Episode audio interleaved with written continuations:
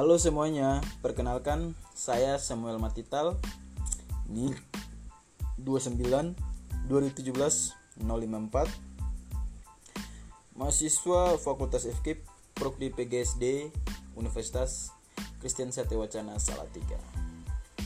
Tujuan saya membuat podcast ini untuk menyelesaikan tugas mata kuliah matematika realistik yang diberikan dosen kepada saya. Nah, pada podcast ini saya akan membahas tentang pohon mayang.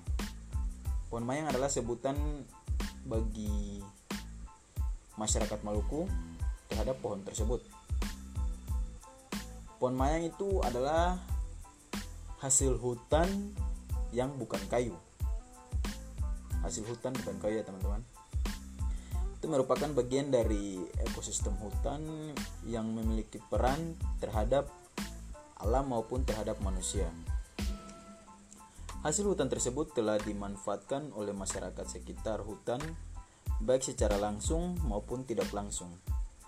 Selain karena merupakan jenis hasil hutan mudah diperoleh dan tidak membutuhkan teknologi yang rumit atau teknologi yang tinggi, untuk mendapatkannya juga karena hasil hutan dapat diperoleh secara gratis dan mempunyai nilai ekonomi yang sangat tinggi.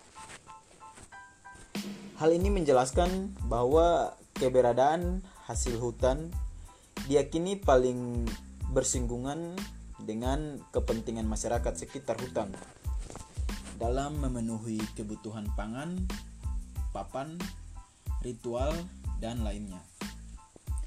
Hasil hutan yang sudah dimanfaatkan dan dikomersialkan di antaranya adalah pohon mayang atau pohon aren binatang.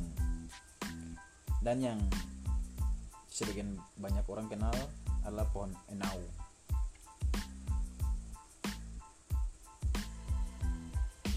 Nah teman-teman jika ada pertanyaan apa? Apa itu pohon mayang? Apa itu ciri-cirinya? Terus apa fungsinya? Nah mungkin sebelumnya saya memberi uh, penjelasan sedikit kepada teman-teman bahwa di Maluku sebagian besar masyarakat yang pekerjaannya petani mau yang tinggal di daerah pegunungan maupun di pesisir itu lebih memilih untuk melakukan pengolahan terhadap pohon mayang atau tipar. Nah, tipar itu adalah bahasa Maluku ya teman-teman, bahasa di Ambon sana. Nah, tipar itu adalah nama yang dipakai masyarakat Maluku untuk orang yang akan mengolah mayang. Terus misalkan atau nanti kenapa sebagian besar petani masyarakat Maluku itu yang tinggal di daerah uh, apa pegunungan maupun pesisir lebih memilih untuk melakukan pengolahan terhadap mayang atau lebih memilih untuk tipar. Nah, jawabannya karena sepengetahuan saya teman-teman dan ini berdasarkan kenyataan yang ada di tempat tinggal saya yaitu di kampung saya di Maluku, Pulau Seram, Desa Norway karena kan gini teman-teman itu dapat menguntungkan mereka dapat menguntungkan petani itu. Dalam yang dalam waktu singkat petani itu sudah bisa memenuhi kebutuhan ekonomi keluarganya nah cukup lumayan sih tidak banyak. Tapi uang yang dihasilkan itu dapat untuk menghasilkan kebutuhan ekonomi keluarga mereka dalam waktu yang singkat.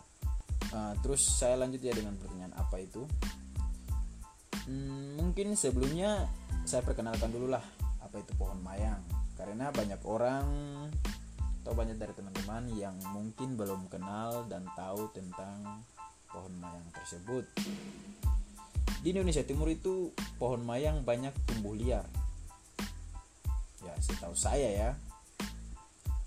Kalau di daerah Jawa selama saya ada di Jawa saya belum pernah melihat pohon mayang. Tetapi yang saya lihat adalah jenisnya. Itu sama-sama jenis aren ya tapi bukan aren pinatan atau pohon mayang karena dari pohon mayang yang saya kenal itu perbedaannya jauh dengan jenis aren yang ada di Jawa sini. Nah, terus adapun ciri-ciri nih dari pohon mayang sebagai berikut. Ciri-cirinya itu uh, satu berbuah rimbun. Jadi buahnya itu rimbun banget, teman-teman. Dua, mempunyai ukuran daun yang panjang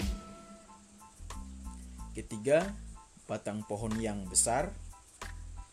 Keempat, berakar serabut. Kelima, mempunyai buah yang kecil. Keenam, batang pohon yang dikelilingi oleh serabut hitam. Nah, itu ciri-cirinya ya, teman-teman. Terus e, fungsinya. Nah, fungsi dari pohon mayang itu adalah dapat menghasilkan air yang biasa disebut dengan sageru. Kalau di Maluku itu sebutannya itu sagiru kalau di sini saya tidak tahu sebutannya itu apa ya. Kalau dari hasil dari pohon aren. Nah, terus dari sagiru itu nantinya juga akan difermentasi menjadi minuman yang beralkohol yang disebut dengan sopi orang Maluku sebut sopi dan juga batang dari daunnya itu dapat dibuat sapu lidi. Nah, fungsi dari itu pohon mayang itu daunnya juga itu batang dari daunnya itu bisa dibuat menjadi sapu lidi ya teman-teman. Nah, sup itu adalah minuman khas masyarakat Maluku yang biasanya akan dikonsumsi pada saat pelaksanaan pelaksanaan upacara Nah, misalkan nanti kalau teman-teman ke Ambon, ke Maluku sana pada saat upacara adat itu percaya teman-teman pasti minuman sup itu akan disediakan. Karena itu sudah jadi kebiasaan itu sudah jadi adat istiadat bagi masyarakat Maluku. Nah terus kalau ada pertanyaan mengapa mengapa saya memilih pohon mayang sebagai tema saya? Begini teman-teman. Uh, dikarenakan jikalau nanti saya menjadi seorang guru ya atau tenaga pengajar di daerah saya saya akan mengutamakan pelajaran berdasarkan kebiasaan yang dilakukan oleh masyarakat sekitar pada umumnya yaitu mengelola pohon mayang atau tipar itu dan yang diolah adalah itu tunas dari pohon mayang tersebut. Itu tunas muda ya. Tunas yang baru keluar itu nah itu yang nanti diolah. Tunas yang baru keluar nanti diolah. Terus pengelolaan pohon mayang itu tidak sembarang teman-teman. Jadi pohon e, pengolahannya itu ada cara tersendiri atau cara khusus yang biasanya dilakukan oleh orang yang mengelola tunas muda atau orang tipar itu. Jadi pohon mayang tersebut itu sehingga tidak uh, apa tidak mati atau tidak kering gitu. Ada cara-caranya itu. Nah nantinya akan tunas muda itu dikelola akan dia akan mengeluarkan air yang disebut sagiru ya teman-teman. Melakukan pengolahan pada tunas muda pohon mayang tersebut itu caranya itu adalah dengan yang tadi sempat dikatakan bahwa cara khusus yaitu dengan cara mengayunkan batang mudanya itu tunas mudanya itu ke arah kiri atau ke arah kanan. Sebanyak 75 kali. Nah pertanyaannya kenapa 75 kali? Kenapa tidak bisa lebih? Kenapa tidak bisa kurang? Dikarenakan begini jika lebih atau kurang maka tunas muda pada pohon tersebut akan mati. Dan jika pohon tersebut sudah mempunyai hasil yang disebut itu sagiru maka air sagiru tersebut juga bisa untuk dijadi dengan harga ya tidak banyak tapi cukuplah untuk satu jirigen 5 liter itu harganya 20.000 dan ketika nanti sudah diolah menjadi sopi akan dijual juga dengan harga satu botol ukuran 600 ml itu harganya adalah 20.000 Bagaimana cara guru untuk memanfaatkan lingkungan yang ada di sekitar ya? Hmm, caranya itu uh, sebelumnya teman-teman di sini saya ambil uh, saya sempat membaca artikel dari yang dituliskan oleh Y. Marpaun dalam artikelnya yang tentang PMRI menurut Van den Hovel Van Hausen 1996 itu dia menuliskan beberapa prinsip ya teman-teman ada prinsip aktivis prinsip realistis prinsip berjenjang prinsip jalinan prinsip interaksi dan juga prinsip bimbingan Nah, yang menjadi fokuskan yang menjadi fokus saya di sini yang tu yang, uh, yang tuliskan oleh Van Hovel ini adalah prinsip realistis, teman-teman. Prinsip realistis dan juga prinsip bimbingan. Nah, prinsip prinsip realistis ini ber, berbunyi gini, teman-teman. Pembelajaran harusnya dimulai dengan masalah-masalah yang realistik bagi siswa yaitu dapat dibayangkan oleh siswa masalah yang realistik lebih menarik bagi siswa dari masalah-masalah matematika formal tanpa makna. Jika pembelajaran dimulai dengan masalah yang bermakna bagi mereka, siswa akan tertarik untuk belajar secara gradual. Siswa kemudian dibimbing ke masalah-masalah yang masalah matematika yang itu itu prinsip realistisnya. Terus yang kedua yang ini adalah prinsip bimbingan.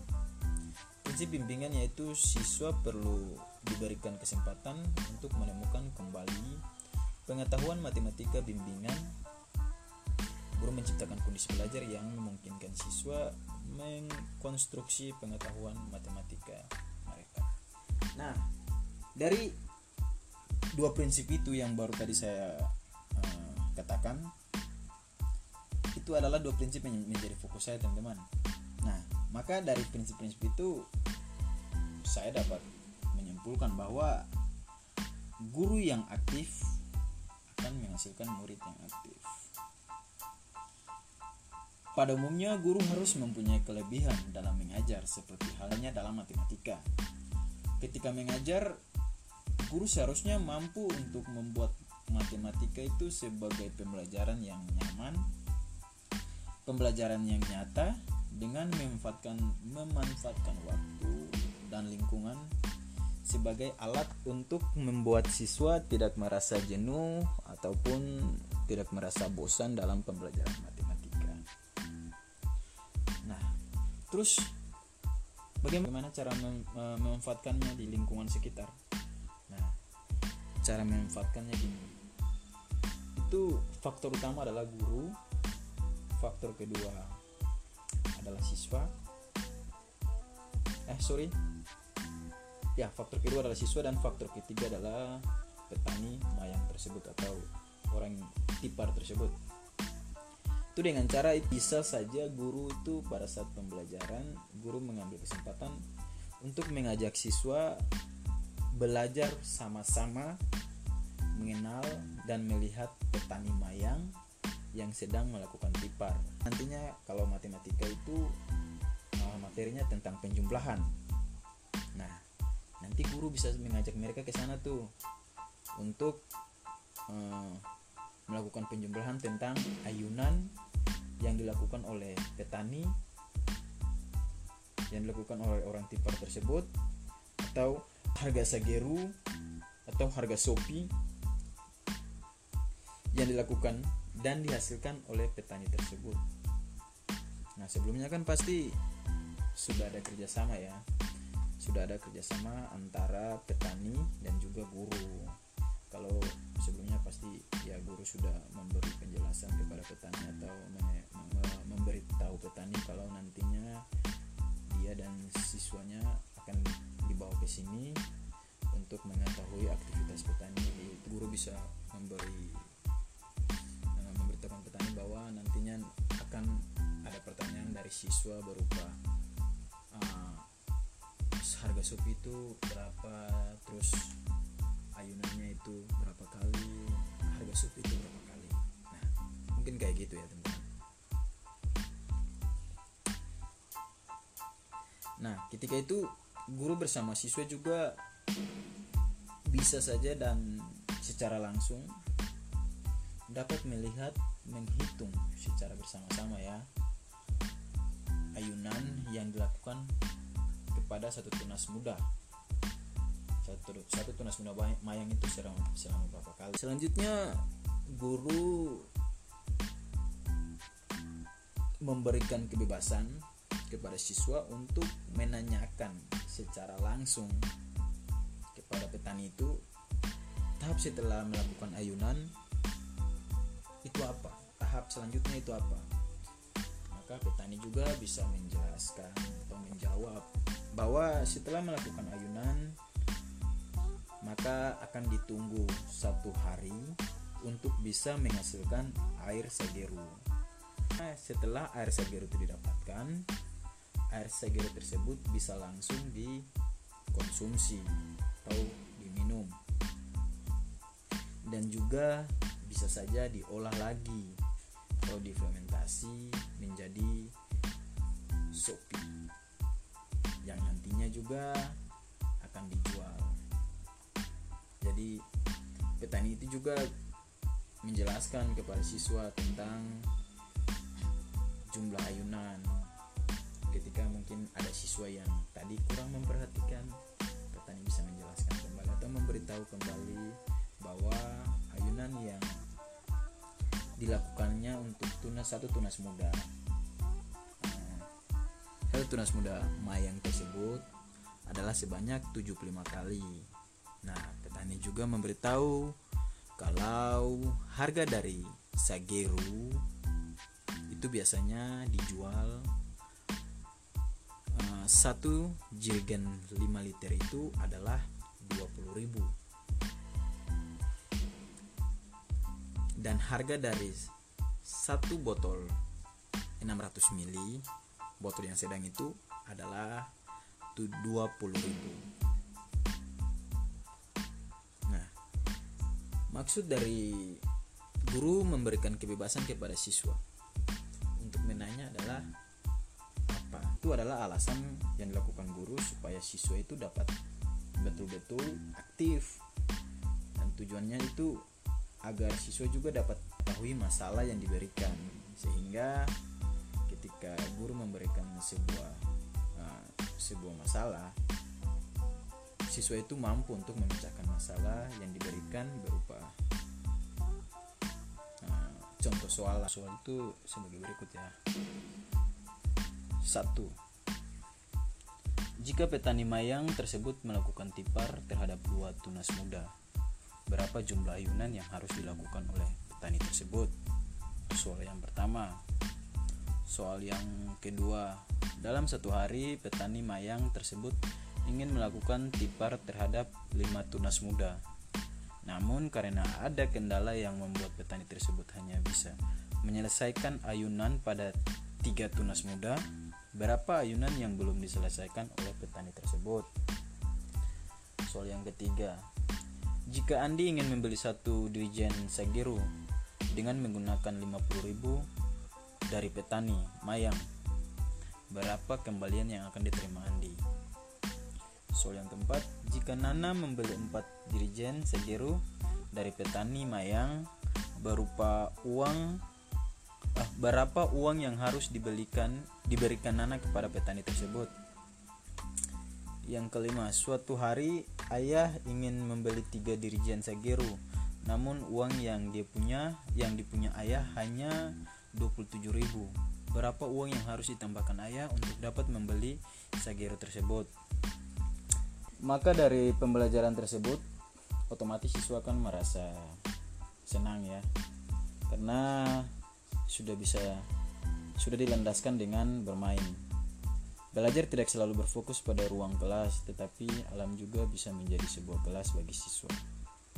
Materi pembelajaran matematika tentang penjumlahan sudahlah sangat berjalan dengan baik. siswa dapat siswa dapat dengan otomatis mudah untuk menjumlahkan beberapa ayunan yang dilakukan yang dilakukan oleh petani tersebut dan juga harga dari sageru maupun sopi ketika nantinya dijual. Pesan dari saya berbijak-bijaklah guru dalam memilih tempat untuk memberikan materi kepada siswa. Karena dari tempat yang tepat, siswa bisa dengan cepat memahami materi dengan tepat. Oke, sampai di sini dulu. Sekian podcast dari saya. Tuhan memberkati.